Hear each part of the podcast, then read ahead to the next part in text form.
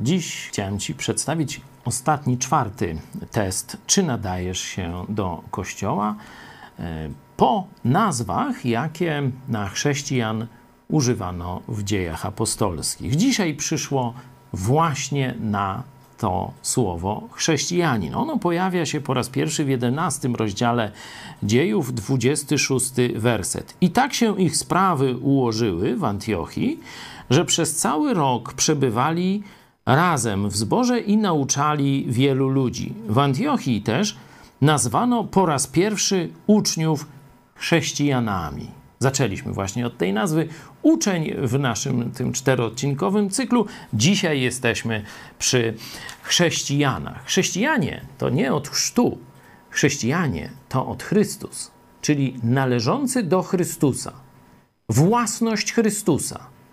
Parafrazując, niewolnicy, bo to czasy niewolnictwa, niewolnicy Jezusa Chrystusa.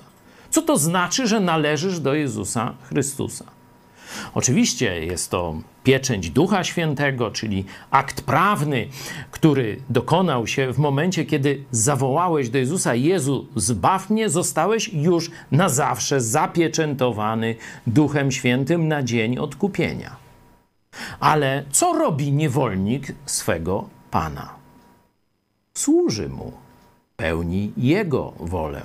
Niech dla Ciebie i dla mnie wzorem będzie to, co zrobił Jezus na krzyżu Golgoty, a wcześniej, kiedy modlił się w ogrodzie Getsemane. To jest Mateusz 26, 42.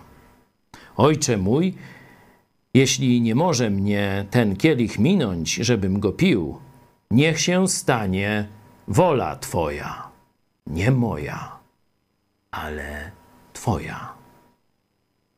Jeśli masz taką postawę nadajesz się do Kościoła Jezusa Chrystusa.